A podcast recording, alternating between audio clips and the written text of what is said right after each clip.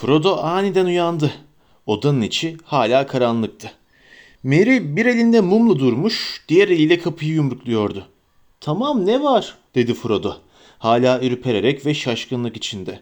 Ne mi var diye bağırdı Merry. Kalkma zamanı saat dört buçuk ve her tarafta sis var. Hadi Sam çoktan kahvaltı hazırlamaya başladı. Pipin bile kalktı.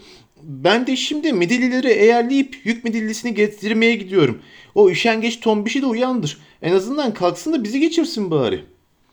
Saat 6'yı henüz geçmişken hobbitlerin beşi de yola çıkmaya hazırdı. Tombiş Toluk hala esniyordu. Hiç ses etmeden evden dışarı süzüldüler. Mary üzeri yüklenmiş bir midilliyi çekerek önden gidiyordu. Evin arkasındaki bir koruluktan sonra birkaç tarlanın içinden geçen bir yolda dikkatli ilerlemekteydi. Ağaçların yaprakları parlıyor, dallardan sular damlıyordu. Otlar serin çiğlerden kurşunileşmişti. Her şey sakindi. Bir avluda tavukların gıdaklaması, ta nerelerdeki bir evin kapısının kapanması gibi uzak sesler hemen yakından geliyormuş gibi net duyuluyordu. Midillileri barakalarında buldular. Hobbitler tarafından çok sevilen türden gürbüz, ufak tefek hayvanlardı bunlar. Hızlı değil ama gün boyu iş görecek kadar dayanıklıydılar. Midillilere bindiler ve vakit kaybetmeden önlerinde gönülsüzce açılan ve artlarından amansızca kapanan sesin içine daldılar. Ağır ağır ve hiç konuşmadan bir saat kadar yol aldıktan sonra çalı çitin aniden önlerinde yükseldiğini gördüler. Çok yüksekti ve her tarafı gümüş örümcek ağlarıyla örülmüştü. Bunun içinden nasıl geçeceksiniz diye sordu Frediger. Beni izlerseniz dedi Mary. Görürsünüz.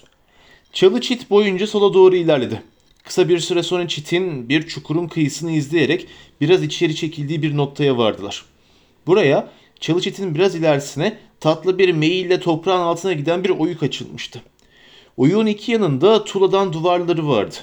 Bu duvarlar muntazam bir şekilde yükselip aniden kemer şeklini alıyor, çalı çitin altına dalarak diğer taraftaki çukur yerden çıkan bir tünel oluşturuyordu.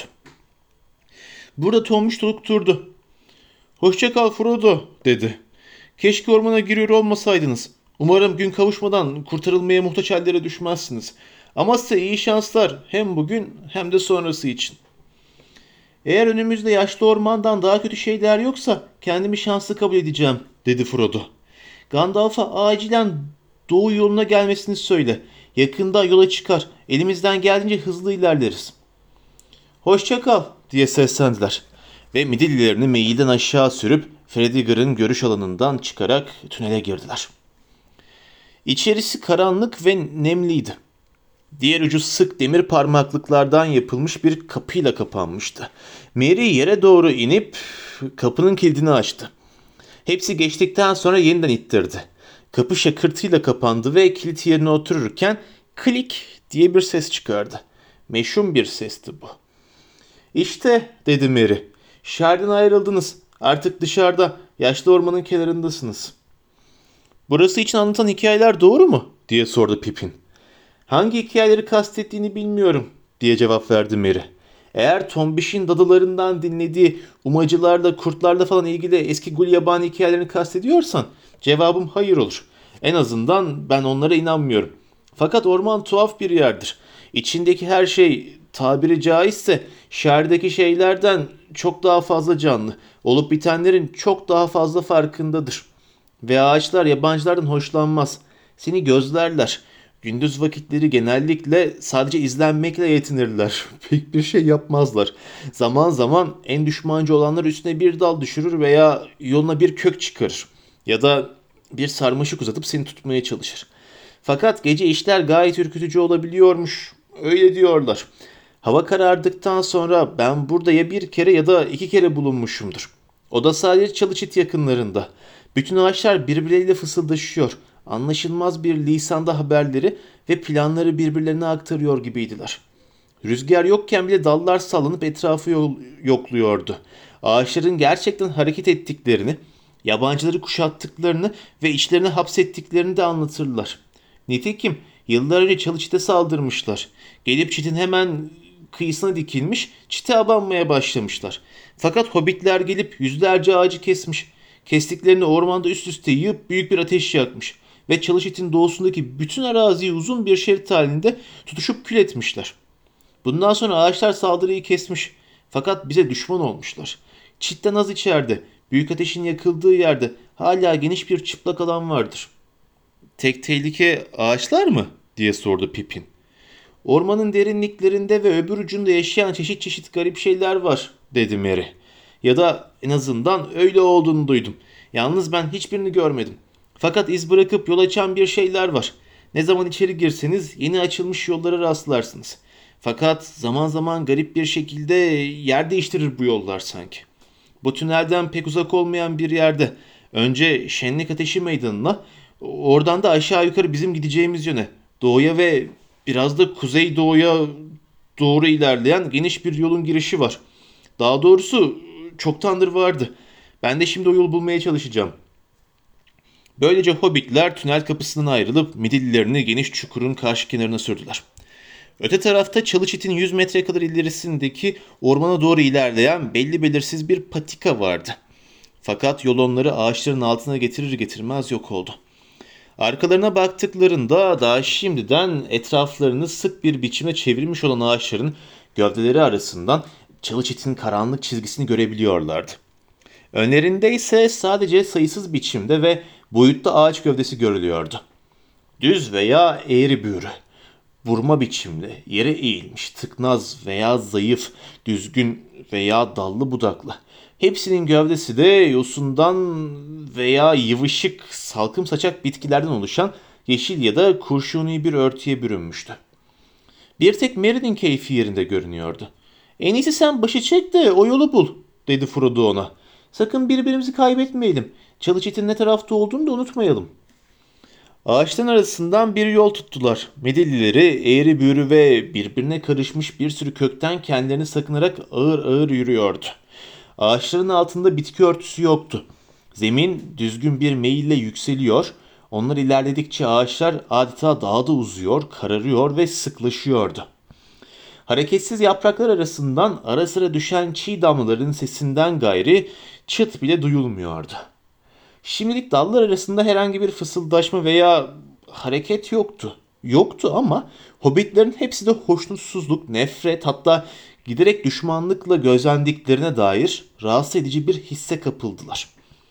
Bu hisleri sürekli büyüdü.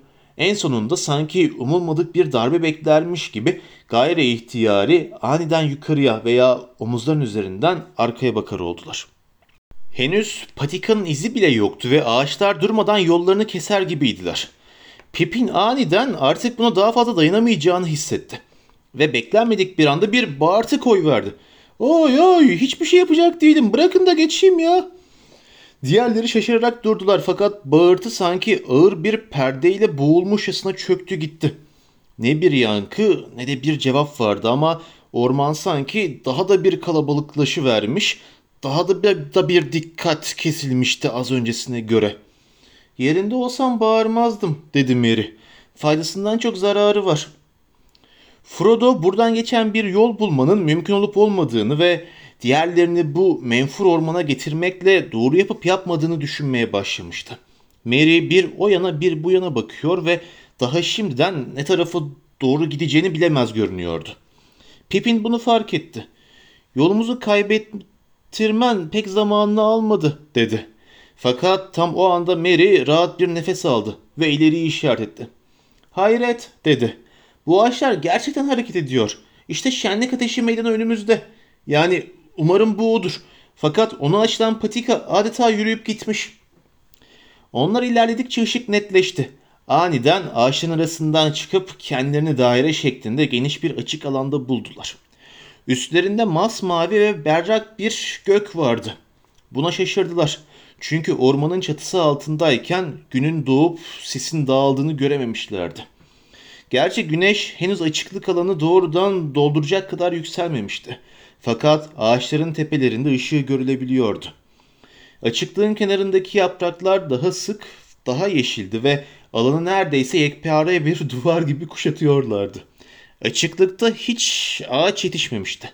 Sadece kaba çimen ve bir sürü yüksek ot vardı.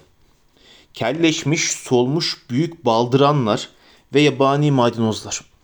Tohuma kaçıp kül gibi uçmaya başlamış epilobyumlar. Her yana yayılmış ısırgan otları ve deve dikenleri. Kasvetli bir yerdi fakat boğucu ormandan sonra hoş ve neşeli bir bahçe gibi geliyordu onlara. Hobbitler cesaretlenip gökyüzünde genişleyen gün ışığına umutla baktılar. Açık alanın karşı tarafında ağaçtan duvarda bir boşluk ve boşluğun gerisinde de temiz bir patika vardı. Patikanın yer yer genişleyerek ve üzeri açılarak ormanın içine doğru uzandığını görebiliyorlardı. Kimi yerlerde de ağaçlar patikaya doğru yaklaşarak yolu karanlık dallarıyla gölgelendiriyordu. Bu yoldan sürdüler midillilerine. Hala tatlı bir meyille tırmanmaktaydılar fakat artık çok daha hızlı ilerliyorlardı ve gönülleri daha rahattı. Çünkü sanki ormanın hışmı sönmüş ve hayrettir geçmelerine engel olmayacakmış gibi gelmeye başlamıştı onlara. Fakat bir süre sonra hava ısınmaya ve bunaltmaya başladı. Ağaçlar yine yolu iki yandan sıkıştırdı. Artık pek ileriler görünmüyordu. Ormanın kötü niyetinin bir kez daha amansızca üstlerine çöktüğünü, şimdi her zamankinden daha kuvvetle hissetmekteydiler. Etraf o kadar sessizdi ki midillerinin nallarının ölü yapraklar üzerinde hışırdayarak veya arada bir gizlenmiş bir köke takılarak yere değmesi kulaklarına gümbür gümbür iniyordu. Frodo onları cesaretlendirmek için bir şarkı söylemeye çalıştı ama sesi bir fısıltı halinde çıktı. Ey bu gölgeli diyardaki gezginler, yitirmeyin umudu. Çünkü karanlık da olsa bir sonu vardır her ormanın. Bakın nasıl da geçip gidiyor bulutsuz güneş. Güneş batıyor, güneş doğuyor. Gün bir bitiyor, bir başlıyor. Ya doğuda ya batıda mutlaka kesilecek orman. Kesilecek. Daha bu sözü söylemişti ki sesi zayıflayarak kesildi. Hava ağır, sözleri dile getirmekse çok yorucuydu adeta. Tam arkalarında yerlere kadar sarkan yaşlı bir ağaçtan iri bir dal büyük bir çatırtıyla patikanın üzerine düştü. Önlerinde de sanki ağaçlar birbirine yaklaşıyordu. Bitmekti, zayıflamakta türü şeylerden hoşlanmıyorlar, dedi Mary. Ben olsam şu anda pek şarkı söylemezdim. Ormanın kenarına varıncaya kadar bekle. O zaman hep birlikte dönüp bangır bangır koro yaparız. Neşeyle konuşmuştu. Eğer endişeliyse bile e, bunu belli etmiyordu. Diğerleri cevap vermediler. İçleri kararmıştı. Frodo'nun yüreğine giderek ağırlaşan bir yük çökmekteydi ve artık attığı her adımda ağaçların hiddetine meydan okumaya kalkışlığına biraz daha pişman oluyordu.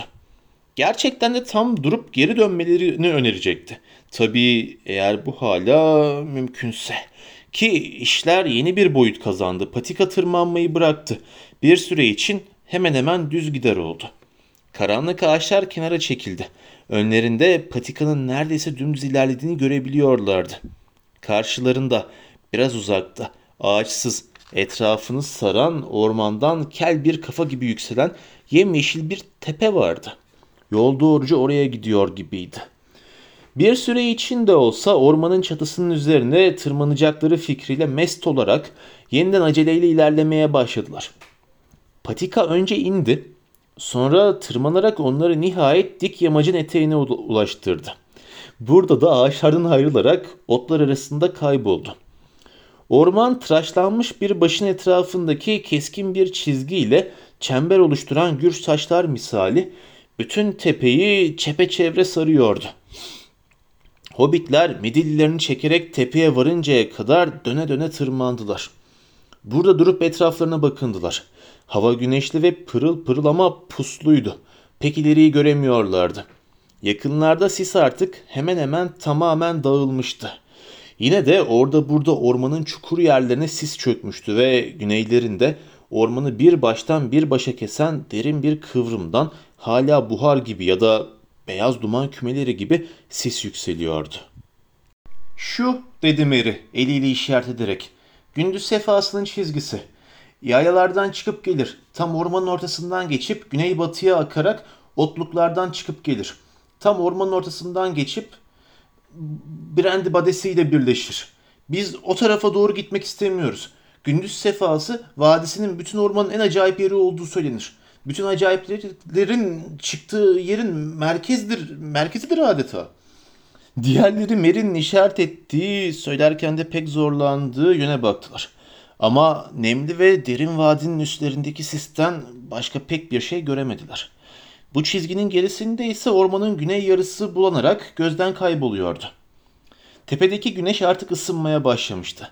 Saat 11 olmalıydı fakat sonbahar pusu bu saatte bile diğer yönleri doğru dürüst görmelerine izin vermiyordu. Batı yönünde ne çalı çitin çizgisini ne de gerisindeki Brandy Badesi vadisini seçebiliyorlardı.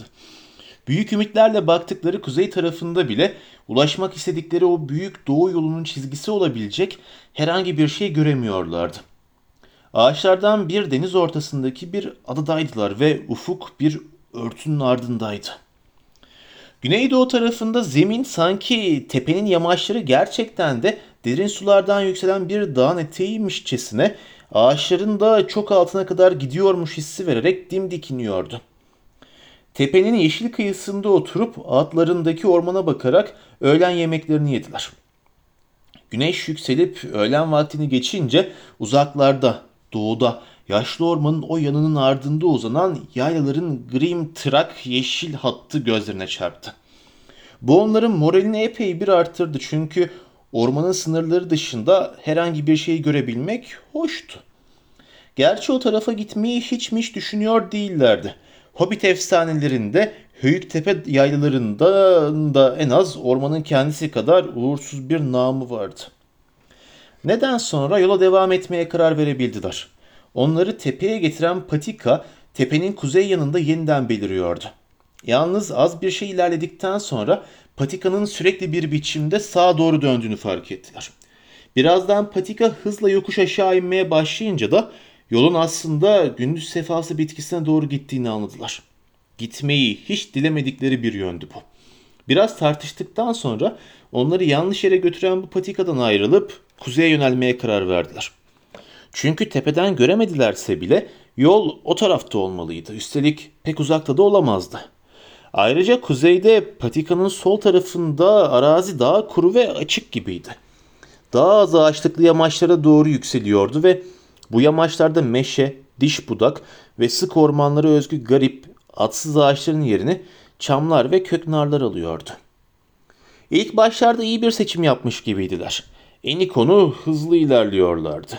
Yalnız ne zaman bir ağaçlıktan güneşe göz atacak olsalar anlaşılmaz bir biçimde doğuya doğru dönmüş olduklarını çıkıyordu ortaya. Fakat bir süre sonra tam da uzaktan daha seyrek ve daha az iç içe gibi gördükleri ağaçlar tekrar sıklaşmaya başladı. Derken hiç beklenmedik bir şekilde zeminde devasa tekerlek izlerini veya uzun zamandır kullanılmayıp böğürtlen çalılarıyla dolmuş geniş hisar endeklerini ve çökmüş yolları hatırlatan derin yarıklar bulunduğu anlaşıldı. Bu yarıklar genellikle tam onların gittiği yönü kesiyor ve ancak içlerine inip tekrar tırmanarak geçilebiliyordu. Ki bu da yanlarında midillileri olduğu için gayet zahmetli ve zor bir işti. Her aşağı indiklerinde yarığın her nasılsa sol tarafa doğru geçit vermeyen ancak sağa döndüklerinde yol açan sık çalılıklar ve keçeleşmiş otlarla dolu olduğunu görüyorlardı. Dipte yarığın karşı yüzüne tırmanılacak bir yer bulmaları için de indikleri noktadan biraz ilerlemeleri gerekiyordu. Güç bela her bir yarıktan çıktıklarında ağaçlar biraz daha yoğun, daha karanlık görünüyordu. Her seferinde sola yukarıya doğru yol bulmakta çok zorlanıyor, sağa ve aşağı doğru gitmek zorunda kalıyorlardı. Bir iki saat içinde yönlerini iyice şaşırmışlardı. Yalnız çoktandır kuzeye doğru gitmedikleri gün gibi aşikardı. Belli bir yöne sürülüyorlardı. Bu izledikleri onlar adına seçilmiş olan bir yoldu. Doğuya ve güneye. Ormandan dışarı değil, ormanın göbeğine giden bir yol.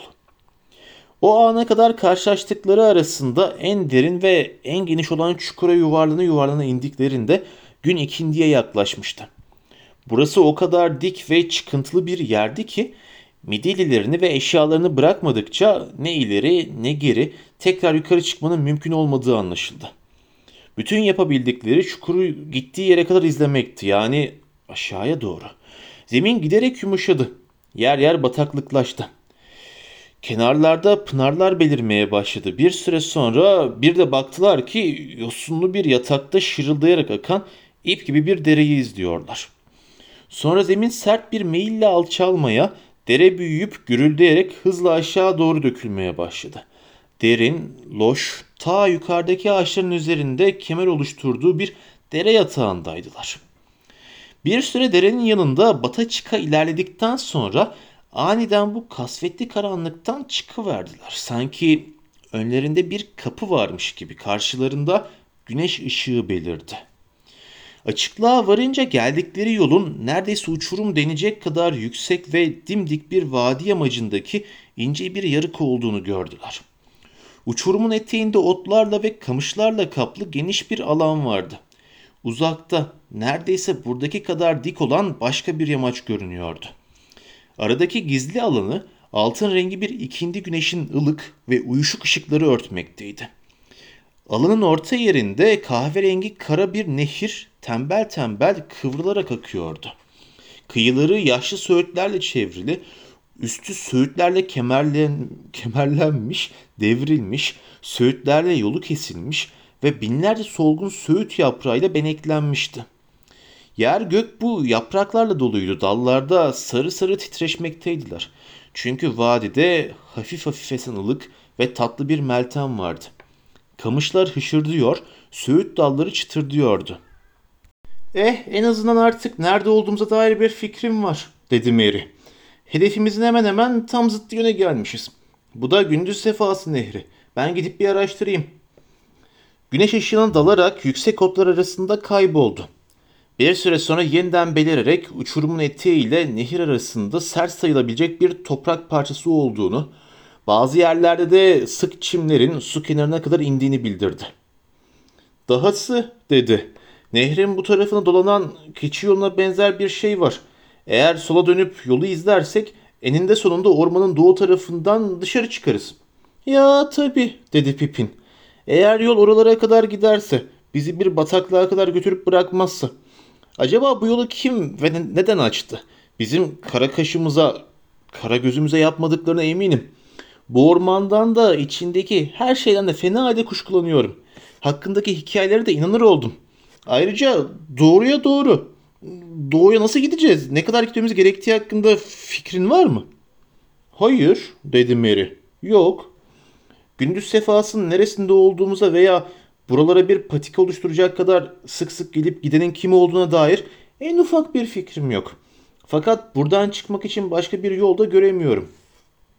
Yapacak bir şey yoktu. Sıraya dizildiler ve Mary onları bulduğu patikaya doğru götürdü. Dört bir yanlarında gümrah ve yer yer başlarını aşacak kadar uzun sazlar ve otlar yükseliyordu. Fakat bataklıklar ve su birikintileri arasından basılabilecek yerleri seçerek eğrile bürüle giden patikayı bir kere bulduktan sonra izlemek kolaydı. Yol arada sırada daha yüksekteki ormanlık araziden gelerek hendeklerden gündüz sefasına doğru akan minik derelerden geçiyordu.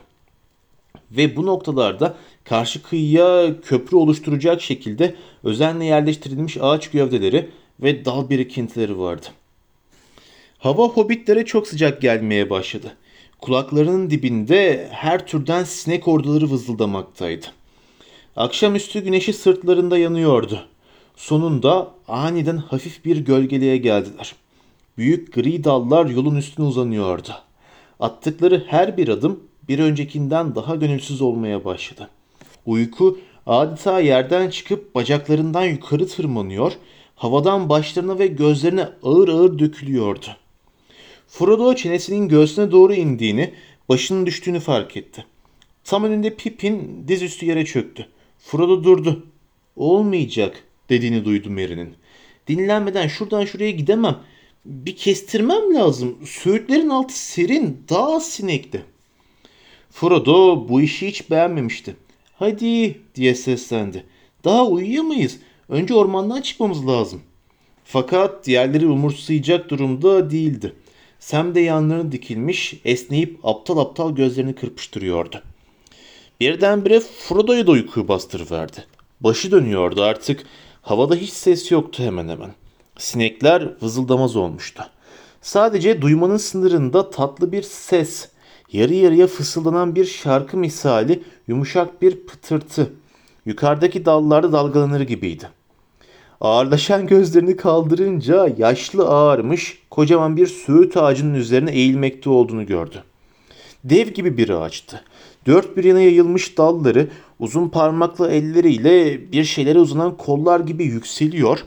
Dalları hareket ettikçe yumrularla dolu bükük gövdesinde esneyip açılan geniş çatlaklar belli belirsiz çıtırdıyordu. Parlak göğe karşı titreşen yapraklar Frodo'nun gözlerini kamaştırdı. Yüzüstü yuvarlanıp otların üzerine düştüğü yerde yattı kaldı. Merry ile Pippin güç bela ileriye doğru emekleyip sırtlarını söğüt ağacının gövdesine yaslayarak yattılar. Arkalarında ağaç sallanıp gıcırdadıkça büyük çatlaklar iyice genişleyerek onlara kucak açıyordu. Yukarıya ışığa doğru hafif hafif hareket edip şarkı söyleyen gri ve sarı yapraklara baktılar. Gözlerini yumdular. O zaman da sanki su ve uykuyla ilgili bir şeyler anlatan sözcükler, serin sözcükler duyar gibi oldular. Kendilerini bu büyüye bıraktılar ve ulu gri söğüt ağacının altında uykuya daldılar. Frodo bir süre üzerine basmakta olan uykuyla savaşarak uzandı kaldı. Sonra bir gayret tekrar ayağa kalktı. Karşı konulmaz bir şekilde serin sular istiyordu canı. Bekle beni Sam diyebildi yarım yamalak. Ayaklarımı bir yıkayayım. Yarı uykulu yarı uyanık ileriye büyük ağacın nehir tarafına dolanık iri köklerin eğilmiş su içmek için uğraşan yumru yumru minik ejderler gibi nehre doğru uzanmış olduğu bir noktaya yürüdü. Bu köklerden birinin bacakları arasına alarak oturup ayaklarını serin kahverengi sulara bıraktı. Ve burada sırtı ağaca yaslanmış vaziyette bir anda uyuyakaldı. Sam oturup başını kaşıdı. Ağzını mağara gibi sonuna kadar açarak bir güzel esnedi. Endişeliydi. Akşam oluyordu ve aniden bastıran bu uykunun pek tekin olmadığını düşünüyordu. Bunun altında güneşten, ılık havadan başka bir işler var diye söylendi kendi kendine. Bu koca ağacı hiç gözüm tutmadı. Güvenmiyorum bu ağaca. Bak nasıl da uyku şarkıları söylüyor. Bu böyle olmayacak. Zorla ayağa kalkıp sendeleyerek Midillilerin nerede kaldığına bakmaya gitti. Midillilerden ikisini patika boyunca epey uzaklaşmış buldu. Tam onları yakalayıp diğerlerinin yanına getirmişti ki iki ayrı ses duydu. Biri yüksek, diğeri alçak ama net seslerdi. Biri ağır bir şeyin suya düşme sesiydi. Diğeri ise bir kapının yavaşça sıkı sıkıya kapandığı zaman çıkardığı kilidin yerine oturuş sesi. Hemen nehir kıyısına koştu. Frodo kıyıya yakın bir yerde suyun içindeydi. Büyük bir ağaç kökü onu suya batırır gibi üzerine duruyordu ama Frodo hiç çırpınmıyordu. Sam onu ceketinden yakalayıp kökün altından çıkarttı. Sonra zar zor kıyıya çekti. Frodo neredeyse hemen uyandı. Sular püskürterek öksürmeye başladı. Biliyor musun Sam dedi sonunda. O korkunç ağaç beni itti. Bunu hissettim. O büyük kök döndü ve beni suyun içine itiverdi. Herhalde rüya görüyordun Bay Frodo dedi Sam. Uykuluyken öyle yerlere oturmamalısın. Öbürlerinden ne haber? diye sordu Frodo. Onlar ne tür rüyalar görüyorlar merak ediyorum doğrusu. Ağacın öbür yanına gittiler ve o zaman Sam duyduğu o klik sesinin ne olduğunu anladı. Pipin gözden kaybolmuştu. Uzandığı yarık tamamen kapanmıştı. Öyle ki bir çizik bile görünmüyordu. Mary ise kapandaydı. Başka bir yarık onu beline kadar yakalamıştı. Bacakları dışarıdaydı ama geri kalan kısmı iki kenardan bir cımbız gibi kavrayan karanlık bir kovuğun içindeydi. Frodo ile Sam ilk önce ağacın Pippin'in yatmış olduğu yere denk gelen kısmını yumrukladılar. Ondan sonra zavallı Merry'i yakalamış olan yarığın kenetlenmiş ağzını açmak için deliler gibi çekiştirdiler. Faydasızdı. Ne korkunç bir şey diye bağırdı Frodo çılgınca. Ne diye kalktık bu korkunç ormana geldik ki sanki. Keşke hepimiz şu anda Çukurçay'da olabilseydik. Kendi ayağını hiç düşünmeden bütün gücüyle ağaca bir tekme attı. Gövdeden başlayarak dallara dağılan belli belirsiz bir titreme oldu. Yapraklar hışırdadı ve fısıldadı. Ama bu kez zayıf ve derinden bir kahkahaydı bu. Eşyalarınızın arasında bir balta falan yoktur herhalde ha Bay Frodo diye sordu Sam. Yakacak odun kesmek için yanıma küçük bir el baltası almıştım dedi Frodo. pek işimize yaramaz. Bir dakika diye haykırdı Sam. Yakacak odun lafından aklına bir şey gelerek. Ateşte bir şeyler yapabiliriz. Yapabiliriz dedi Frodo şüpheyle. Pipini içeride diri diri kızartmayı başarabiliriz. Bu ağacın canını acıtıp korkutmakla başlayabiliriz işe dedi Sam hiddetle.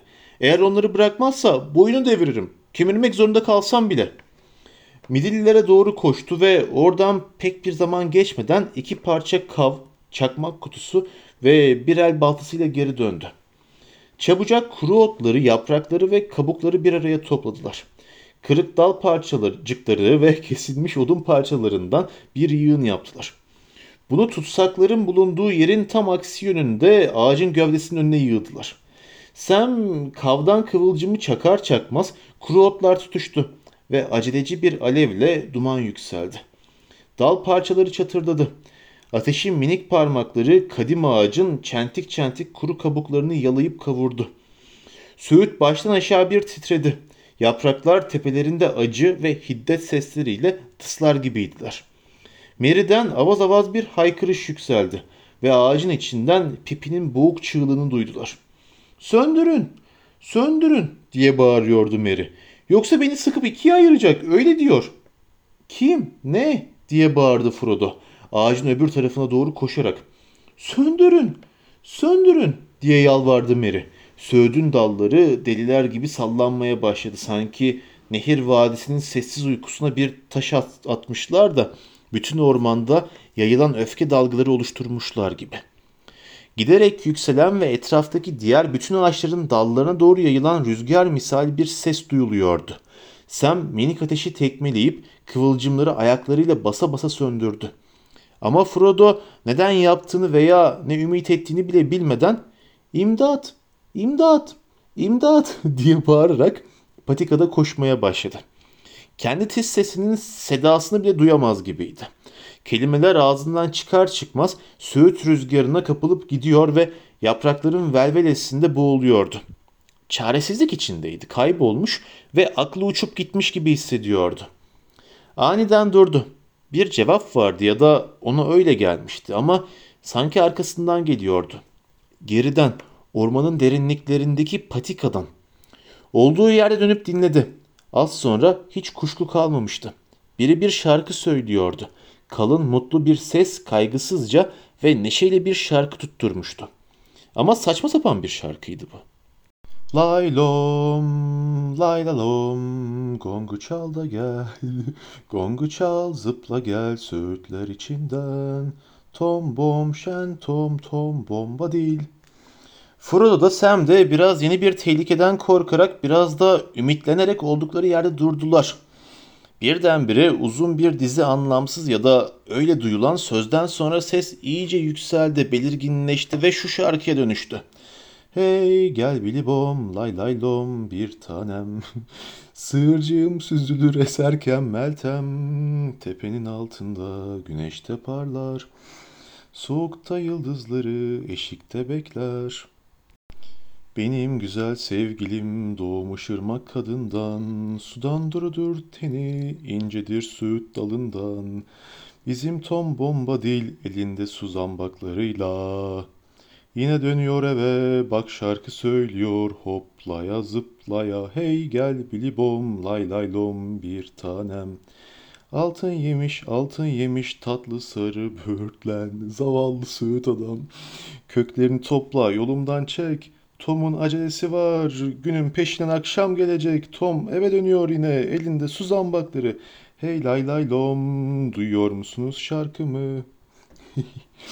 Frodo ile Sam büyülenmişçesine duruyorlardı. Rüzgar söndü. Yapraklar yine gergin dallardan sessiz sessiz sarktılar. Şarkı bir kez daha patladı ve sonra birdenbire patikada sazların tepesinde hoplayıp dans eden yüksek tepeli bandına uzun mavi bir tüy takılmış eski püskü yamru yumru bir şapka belirdi. Şapka bir kere daha hoplayıp sıçradı ve görüş alanlarına bir adam girdi ya da adama benzeyen biri. Her halükarda bir hobbite göre çok iri ve ağır sayılırdı ama kalın bacaklarındaki büyük sarı çizmeleriyle otlar ve sazlar arasından ortalığı yıkıp geçerek suya doğru giden bir inek gibi ilerlerken büyük ahali kadar çok gürültü yapsa da onlardan biri olacak kadar uzun boylu da değil gibiydi. Mavi bir ceketi ve uzun kahverengi sakalı vardı. Gözleri parlak ve maviydi. Yüzü olgun bir elma kadar kırmızıydı ama yüzlerce kahkaha kırışığıyla buruşmuştu. Ellerinde tepsi gibi büyük bir yaprağı dizdiği bir küçük öbek beyaz nilüfer taşıyordu. Frodo ile Sam imdat diye bağırıp ellerini uzatarak ona doğru koştular. Hop hop durun hele diye bağırdı yaşlı adam bir elini kaldırarak. Ve onlar da sanki vurulmuş gibi dona kaldılar.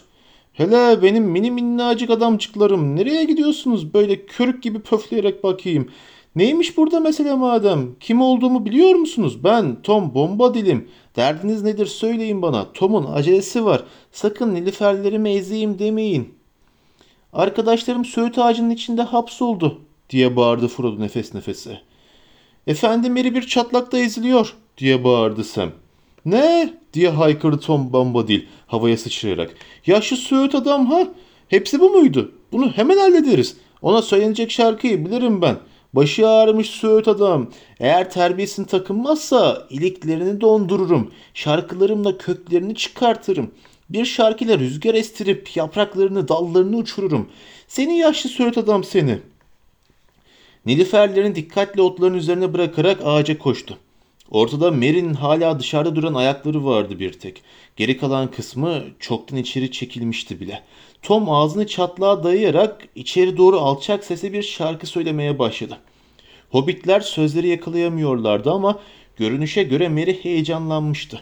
Bacakları tekmeler savurmaya başladı. Tom kenara sıçradı ve söğütün sallanan bir dalını kırıp bununla ağacın yanına vurdu. Onları hemen dışarı bırak yaşlı söğüt adam dedi. Aklından neler geçiyor? Senin uyuyor olman lazım. Toprak ye, derinleri kaz, su iç, uykuya dal. Bu konuşan bomba değil. Sonra da Mary'i ayağından tuttuğu gibi aniden açılan çatlaktan çekip çıkarttı. Yırtılır gibi bir çatırtı duyuldu ve diğer çatlak da ardına kadar açıldı. Pipin sanki tekmeyle atılmış gibi içeriden fırlayıp çıkıverdi. Sonra kuvvetli bir çat sesiyle her iki yarık da sıkı sıkı kapandı. Ağaç köklerinden tepesine kadar bir titredi ve sonra mutlak bir sessizlik çöktü. Sağ olun, sağ olun, sağ olun dedi hobbitler birbirleri ardı sıra. Tom bomba değil kahkahalarla gülmeye başladı. Hele benim minik arkadaşlarım dedi. Eğilip yüzlerine yakından bakarak. Benimle eve geleceksiniz. Sofra, sarı kaymak, bal peti, ak ekmek ve tereyağıya donanmıştır. Altın yemiş bekliyor. Soruları da akşam sofrasının etrafına bırakalım. Siz gelebildiğiniz kadar çabuk peşimden gelin. Böyle deyip nilüferlerini aldı, eliyle onlara bir gel işareti yaptı. Yine yüksek sesle abuk subuk bir şarkı tutturup hoplaya dans ede ede doğuya giden patikada yola koyuldu. Hobbitler konuşamayacak kadar şaşkın ve rahatlamış olarak ellerinden geldiğini çabuk çabuk onu izlediler. Fakat ellerinden gelen yeterince hızlı değildi. Kısa bir süre sonra Tom önlerinde gözden kayboldu ve şarkının gürültüsü gitgide zayıflayarak uzaklaştı. Sonra birden kuvvetli bir selam gibi havada dalgalanarak geri geldi sesi. Gelin benle minik dostlar gündüz sefası boyunca. Tom gidiyor önden mumları yakmaya. Batıdan batar güneş, karanlık basar birazdan. Gece gölgeleri çöker, kapı açılır o zaman. Pencereden sızar ışık, etrafı aydınlatır. Korkmayın kara kızıl ağaçtan, kır söğüt zararsızdır. Korkmayın ne kökten ne daldan, Tom Bombadil önden gitti. Hey lom lay lay lom, bekliyoruz sizleri.'' Bundan sonra hobbitler sesini duymaz oldular. Neredeyse aynı anda güneş arkalarındaki ağaçların içine gömülür gibi gözden kayboldu. Brandy badesi üzerinde göz kırpan yatık akşam ışığını ve yüzlerce lambayla parlamaya başlayan er şehir pencerelerini düşündüler. Üzerlerine büyük gölgeler düşüyor, ağaçların gövdeleri ve dalları kara kara ve tehdit edercesine patikanın üzerine sarkıyordu. Beyaz bir sis yükselip derenin yüzeyine kıvrılarak sınırdaki ağaçların köklerini sarmaya başladı. Tam ayaklarının dibinden yerden gölgeli bir buhar yükselerek yavaş yavaş çöken alacakaranlığa karıştı. Patikayı takip etmek zorlaştı. Çok yorulmuşlardı. Bacakları sanki kurşundandı. Her iki yanlarındaki çalılıklarda ve sazlarda garip sinsi sesler dolaşıyordu. Soluk gökyüzüne baktıklarında yüksek yamaçtan ve ormanın sınırından onlara pis pis göz diken, alacakaranlığa karşı bir kasvete bürünmüş garip yamru yumru çehreler gözlerine çırp- çarpıyordu. Bütün bu diyarın aslında gerçek olmadığını ve hiç uyanışı olmayan meşhum bir rüyada düşe kalka ilerlediklerini düşünmeye başlamışlardı. Tam artık ayakları yavaşlayıp durmak üzereydi ki zeminin yavaş yavaş yükselmekte olduğunu fark ettiler. Su mırıldanmaya başladı. Karanlıkta derenin kısa bir şelaleden döküldüğü yerdeki köpüklerin beyaz ışıltısını gördüler. Sonra aniden ağaçlar bitti. Sis arkalarında kaldı. Adımlarını ormandan dışarı attılar ve karşılarında yükselen geniş çimenlik bir alanda buldular kendilerini. Artık hızlı hızlı akan küçük nehir gökyüzünü doldurmaya başlayan yıldızların ışığında yer yer yanıp sönerek onları karşılamak için neşeyle çağıldıyordu. Ayaklarının altındaki otlar sanki kırpılmış veya tıraşlanmış gibi düzgün ve kısaydı. Ormanın arkalarında kalan saçakları kesilmiş ve bir çit gibi budanmıştı. Artık bakımlı ve kenarları taşlarla sınırlandırılmış patika önlerinde açık seçik görünüyordu. Solgun yıldızlı gök altında şimdi grilere bürünmüş çimenlik bir tepenin üstüne doğru dolandı. Orada hala yukarılarında kalan daha ilerideki bir yamaçta bir evin pırpır eden ışıklarını gördüler. Patika tekrar aşağı indi. Sonra muntazam çimli uzun bir yamaç boyunca tekrar ışığa doğru yükseldi. Aniden bir kapı açıldı. Sarı bir ışık hüzmesi parıldayarak dışarı süzüldü. İşte Tom Bombadil'in evi karşılarında. Bir yukarı bir aşağı derken tepenin tam, tam dibindeydi. Gerisinde çıplak ve gri dik bir toprak çıkıntısı uzanıyordu. Onun da ardında höyük tepe tar yaylaları doğu akşamına doğru azametle uzanmaktaydı. Hobbit midilli demeden hep beraber hızla ilerlediler. Daha şimdiden yorgunluklarının yarısı korkularının tümü uçup gitmişti. Hey gel lay lay lom diye çınladı şarkı onları buyur edercesine. Hey lay lay lay lom haydi canlar sekiniz hobbitler midilliler konukları severiz. Haydi eğlence başlasın birlikte şarkı söyleyelim. Sonra başka bir berrak ses ilkbahar kadar genç ve ilkbahar kadar kadim aynı tepelerdeki parlak sabahtan aşağıya geceye akan mutlu suların şarkısı gibi bir ses gümüş gibi dökülerek onları karşıladı. Haydi şarkılar başlasın, söyleyelim birlikte. Güneş, yıldız, ay ve sis, yağmur ve bulut üstüne, tüydeki çiğ tanesi, tomurcukta ışıklar, fundalıkta çıngıraklar, açık tepede rüzgar, su üstünde zambaklar, sazlar gölgeli göl başında, bizim Tom Bombadil ve Nehrin Kızı hakkında.'' Ve bu şarkıyla birlikte hobbitler eşeğe vardılar. Altın rengi bir ışık tüm çevrelerini sardı.